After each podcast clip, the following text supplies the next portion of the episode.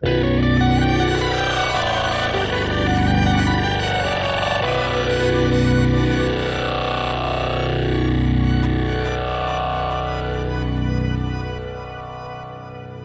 till Quintus Z Johan avsnitt 9. Utesändaren blickar bakåt och framåt har jag valt att kalla detta avsnittet. Och det ska handla en del om bakgrunden och min motivationsfaktor bakom beslutet att starta Youtube-kanalen Utesändaren samt hur upplägget kommer se ut framöver. Utesändaren hittar ni på youtube.com c utesandaren. Och det är alltså slash c som i Cesar slash utesandaren. Och det är alltså utesändaren utan prickarna på A där. Så det blir ett A istället för ett Ä. Och om ni söker på utesändaren på youtube.com så hittar ni nog eh, rätt då. Och det här avsnittet kommer vara lite spretigt och behandla ja, lite allt möjligt då. Mot bakgrund av eh, ja, rådande situation kanske man kan säga. Så trots namnet utesändaren så det blivit en del inomhusavsnitt och istället för att cementera den trenden med ytterligare ett inomhusavsnitt valde jag att istället göra detta avsnittet till eh, Quintus Z Johan som handlar om vad som kan förväntas framöver på Youtube-kanalen.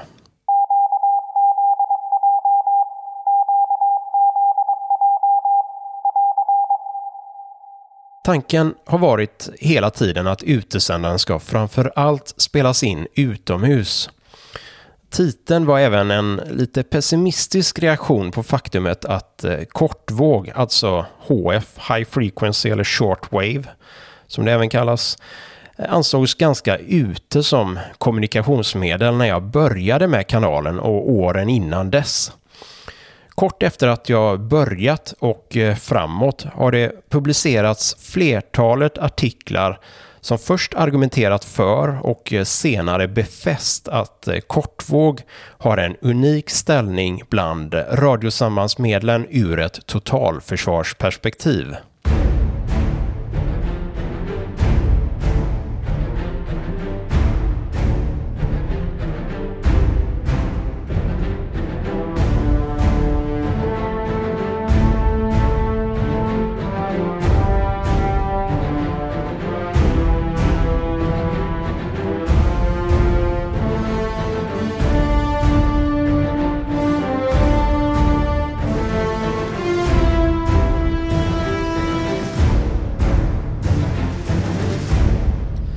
Tidigare och en eventuell ny stormakt har utvecklat enkla, rörliga men desto mer sofistikerade telekrigvapen specifikt för att slå mot vår och våra allierades ledningsförmåga.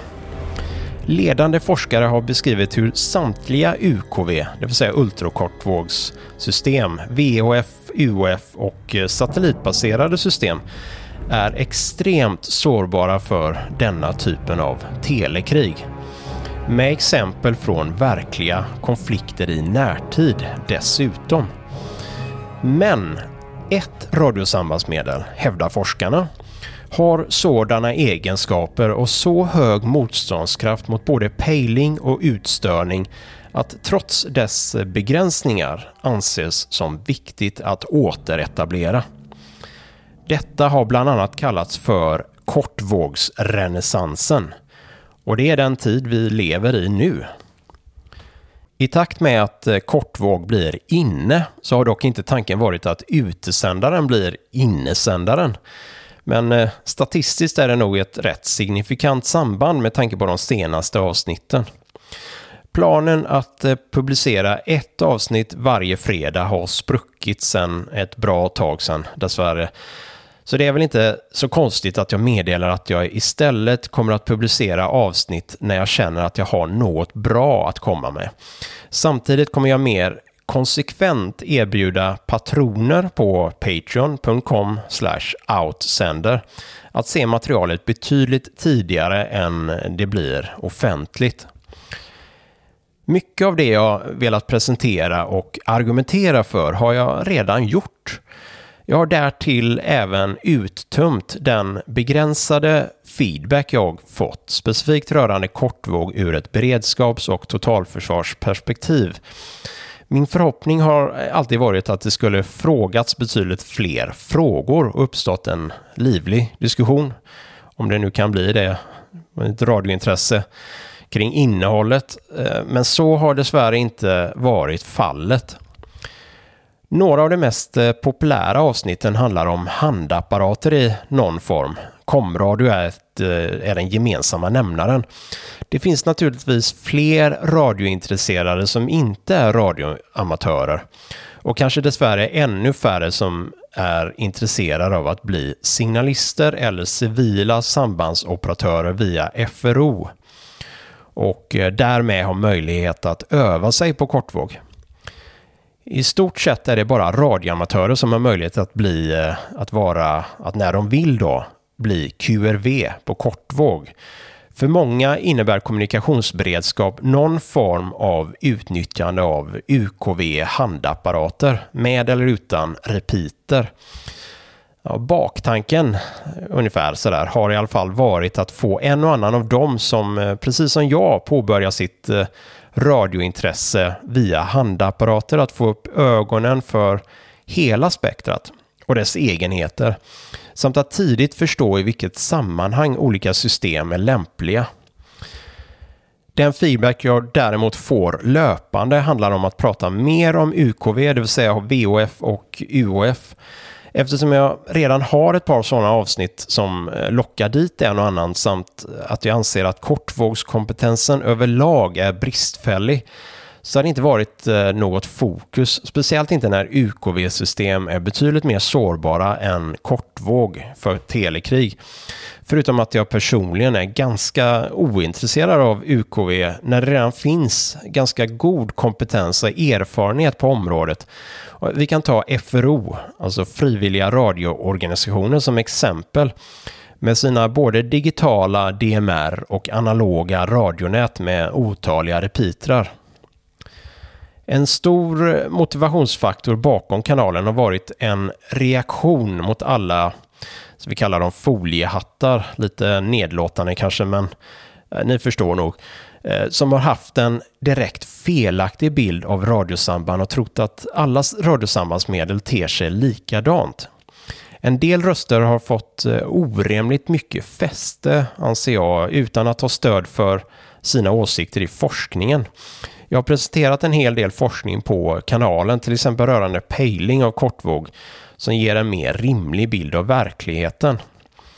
Man kan eh, tycka att följer man foliehattarna så är man åtminstone extra, om än onödigt mycket, skyddad.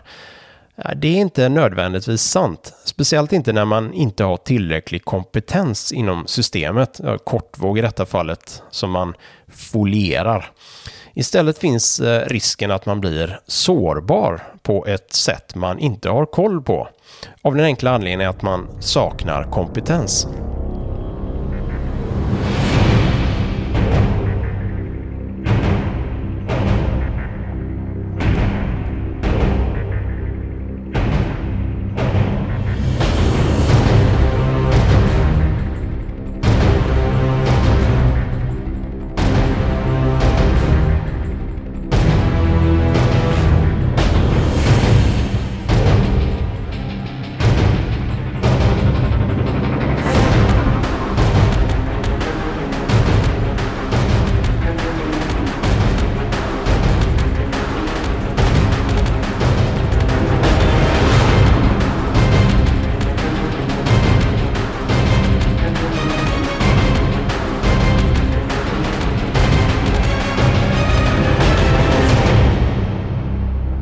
Internationellt i västvärlden börjar man mer och mer återta kortvågsförmågan.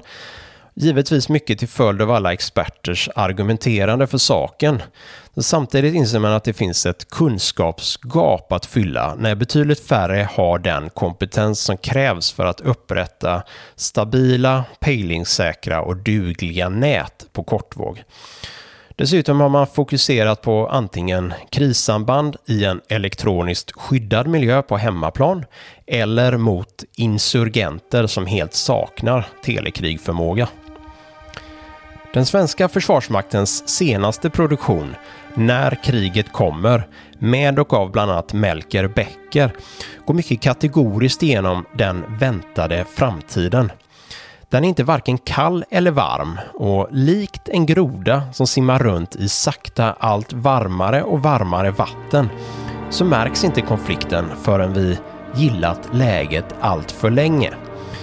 Jag syftar på den så kallade gråzon som man tror är huvudingrediensen i dagens och framtidens konflikter.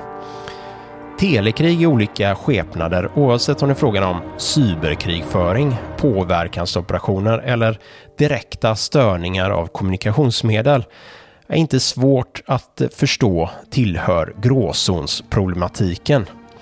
Ingen dör, åtminstone inte direkt, av utstörd kommunikation. Och det kan dessutom vara svårt att härleda ett angrepp till en specifik aktör.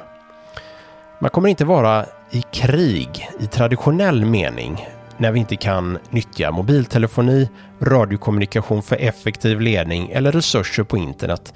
Men telekrig är varken första steget eller en isolerad händelse i gråzonen. Det kommer att användas i ett läge där vi är extra utsatta och har begränsade möjligheter att sätta in motåtgärder. Med största sannolikhet på grund av andra angrepp tillhörande gråzonen. Att i det läget stå utan tryggheten av att ha övat ordentligt med ett sambandsmedel som är extra motståndskraftigt under sådant angrepp är ingen bra idé enligt min mening. Syftet med att eh, störa kommunikation är att vi inte ska kunna koordinerat leda försvaret av landet. Delar av samhället eh, kommer att kunna kommunicera men då vi gjort oss beroende av hög bandbredd och tillgänglighet kommer vi själva bidra till att stoppa upp kommunikationsmöjligheterna ytterligare. Man behöver alltså tänka till innan hur man ska lösa detta när det väl gäller.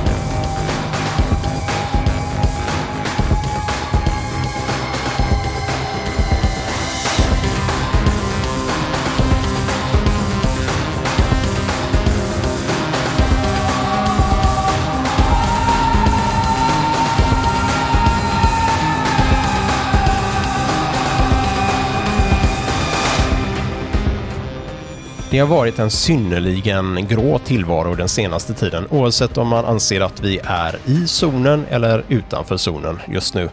Jag syftar inte bara på pandemin, kanske inte alls faktiskt. Och heller inte på det exceptionellt gråa väder vi hade i december 2020. Stor anledning varför det blivit så få avsnitt på kanalen senaste tiden har berott på förkylningar och eller influensor, vab och julledighet. Senaste sjukan som knockade hela familjen i en hel månad var inte covid-19 enligt provsvaren. Det var negativt trots att eh, det togs när vi mer eller mindre var som allra sjukast. Så det känns som vi har ett större problem i världen än enbart covid rörande smittsamma sjukdomar.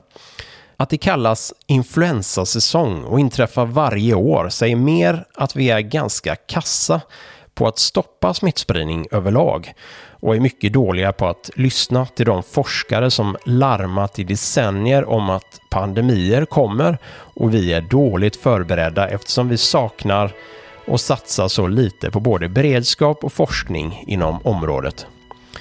Det heter ju att man slår dövörat till när man inte vill lyssna till expertisen och då tänker jag speciellt på ett avsnitt ur P3s podd Dystopia. Avsnittet heter Pandemi och första paragrafen i beskrivningen lyder Nästa globala smitta kommer att spridas snabbare än någonsin och frågan är inte om utan när den dyker upp.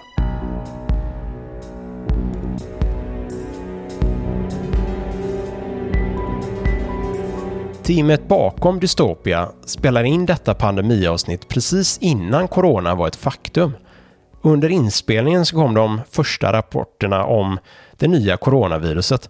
Jag tycker att eh, tillfälligheten säger mer om hur underskattade pandemier är och hur otroligt dåliga vi är på att åtgärda många av problemen som skapar pandemier.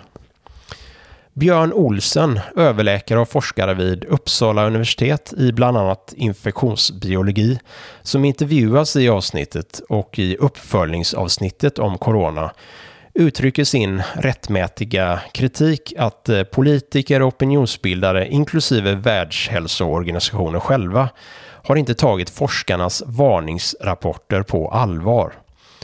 När pandemin kommer kunde vara titeln på en serie med totalförsvarsfokus för om har det definitivt aldrig varit frågan om.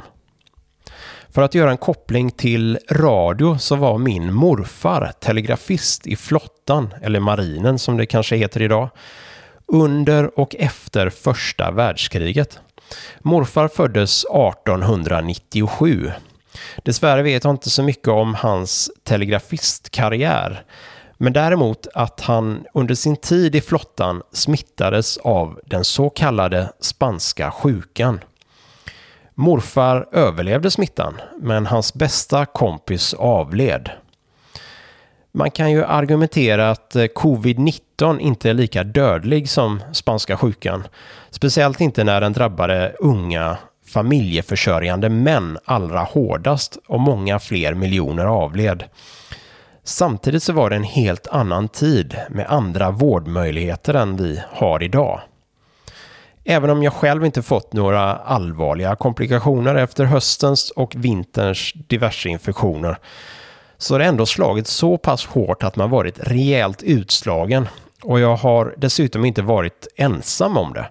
Jag har bekanta och kollegor som också haft negativa covid-19 provsvar men haft en ovanligt tuff förkylning eller influensa. Skadad kan verka, ska man skrika, eller något liknande när man är träffad, men ej så illa att man inte kan besvara den lede fiendens eld.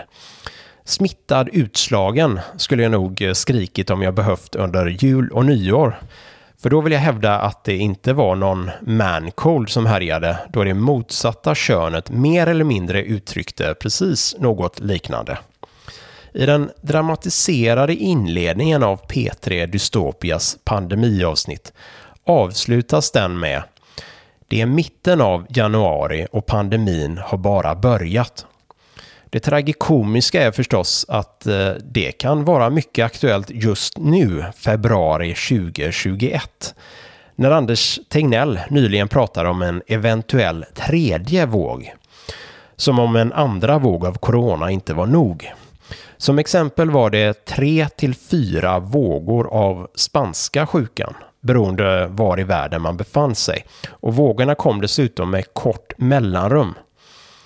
Trots att jag och du kanske inte är särskilt bevandrade inom infektionsbiologi så krävs det inte mycket för att spekulera i vad vi har att vänta oss. Det Björn Olsen har som första punkt till åtgärd i P3 Dystopias pandemiavsnitt är att citat lägg av med djurmarknaderna.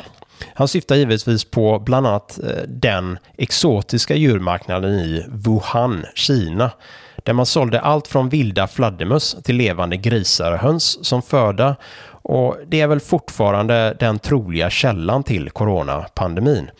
Att världens ledare inte förbjudit den typen av djurmarknader efter otaliga rapporter och varningar om smittspridning däribland är eh, totalt oförståeligt. Förhoppningsvis eh, vaknar vi och börjar lyssna till expertisen om vad vi behöver göra för att stoppa trenden att fler och fler infektionssjukdomar cirkulerar permanent hos mänskligheten. Och därtill satsa mer på forskning och utveckling för att stoppa nästa pandemi. Det vill säga inte om den kommer, utan när pandemin kommer.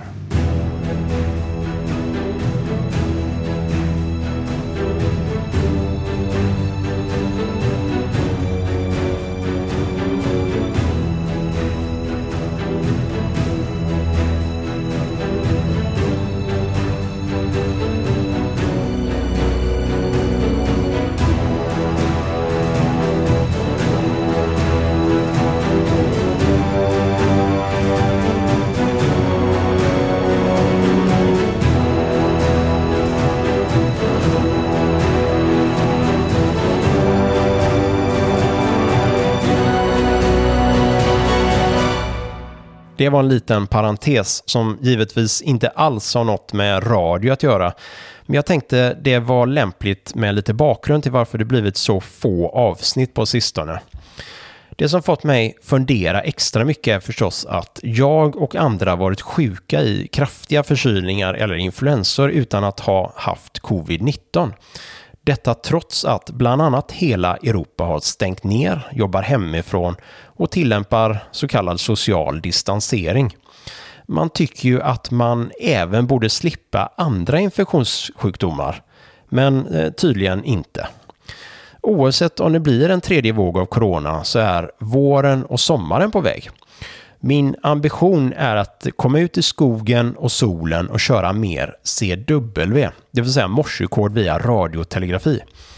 Att bli bra på CW har varit en målsättning i ganska många år och nu när jag ändå inte varken lyckas eller tänker försöka publicera ett avsnitt varje vecka så vill jag använda tiden till att öva upp min telegrafifärdighet, den där allra sista biten. Jag ska försöka göra något avsnitt som går igenom övandet med, ja, med förutsättning att det går att kombinera övning och filmande så pass bra att övningen inte blir lidande. Man kanske kan tro att om jag fokuserar mer på telegrafi så begränsar jag tittarskaran ytterligare. Men faktum är att två av mina telegrafiavsnitt är på kanalens topp 10-lista. Så förhoppningsvis når jag delar av en ny målgrupp att leda in på totalförsvars och beredskapsspåret och kanske påbörja resan mot nästa renässans. Alltså den efter kortvågsrenässansen som vi befinner oss i just nu. Och det är att återuppta radiotelegrafi inom totalförsvaret för att ytterligare stärka motståndskraften i en elektroniskt omstridd miljö.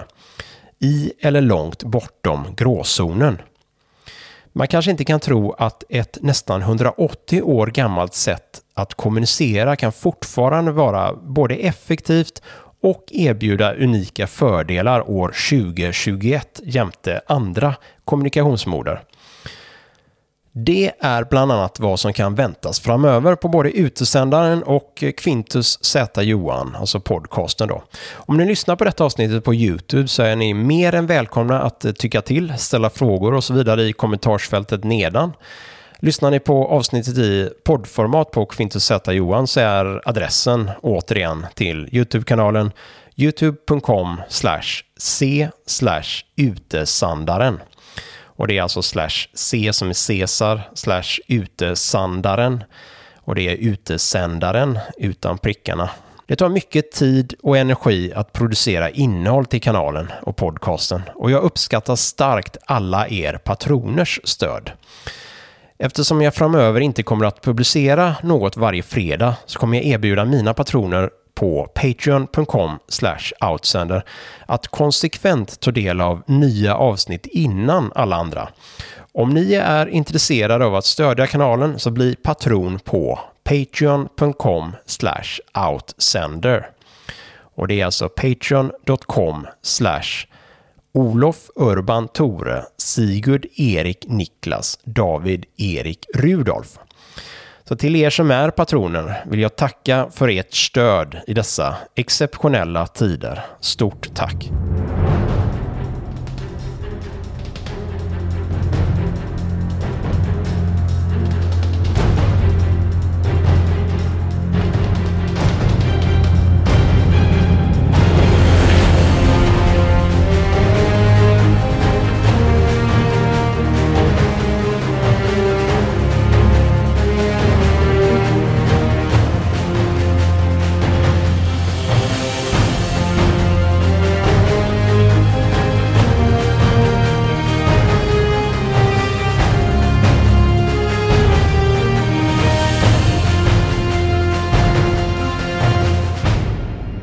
Detta är Sigurd Adam sexa Martin Wilhelm Adam och du har lyssnat på avsnitt nummer 9 av Quintus Z Johan. Till nästa gång önskar jag 73 slut, klart slut.